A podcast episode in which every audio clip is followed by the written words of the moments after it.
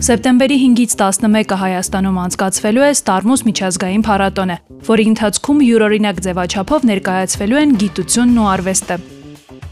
Փառատոնին ընթരാճ Իմ ռադիոն պատմում է տիեզերքի հրաշալիքների մասին։ Բովանդակությունը հեղինակել եւ ներկայացնում է Տիեզերք նախաձեռնության անդամ Ադամ Ստեփանյանը։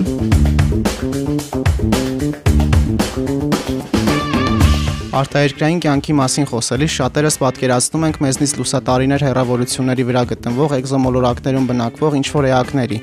Բայց ինչ կասեք, եթե իմանաք, որ այդքան հեռու գնալու կարիք չկա, եւ ոչ երկրային կյանք հնարավոր է նաեւ մեր արեգակնային համակարգի ներսում, թեկուզ եւ ավելի པարզ տեսքով։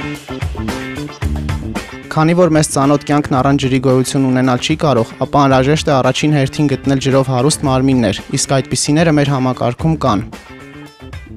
Խոսքը Յուպիտերի եւ Սատուրնի մի քանի սառցե արբանյակների մասին է, որոնք իրենց արտաքին սառցե շերտի տակ պարունակում են հսկայական օվկիանոսներ։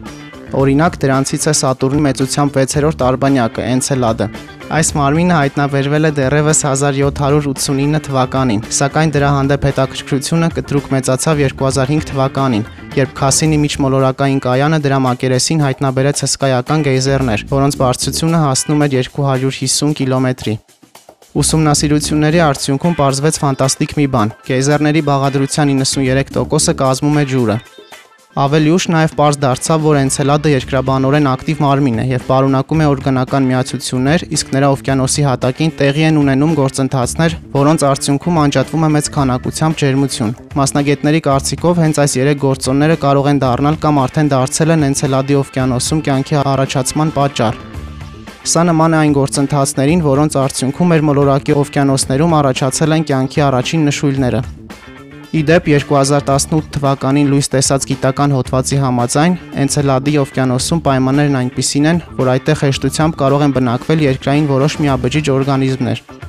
Իսկ մասնագետների մի խմբի կարծիքով էլ Էնցելադի ջրերում կյանքը հնարավոր է արդեն հաստատ լինի խեցգետնային մակարդակի,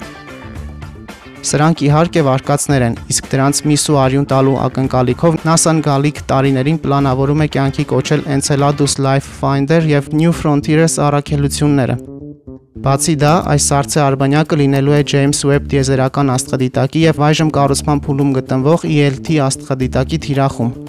Այս գերհզոր աստղադիտակների միջոցով մասնագետները Էնցելադի գեյզերներում փորձելու են հայտնաբերել այնպիսի նյութեր, որոնք առաջանում են կենթանի օրգանիզմների կենսագործունեության արդյունքում։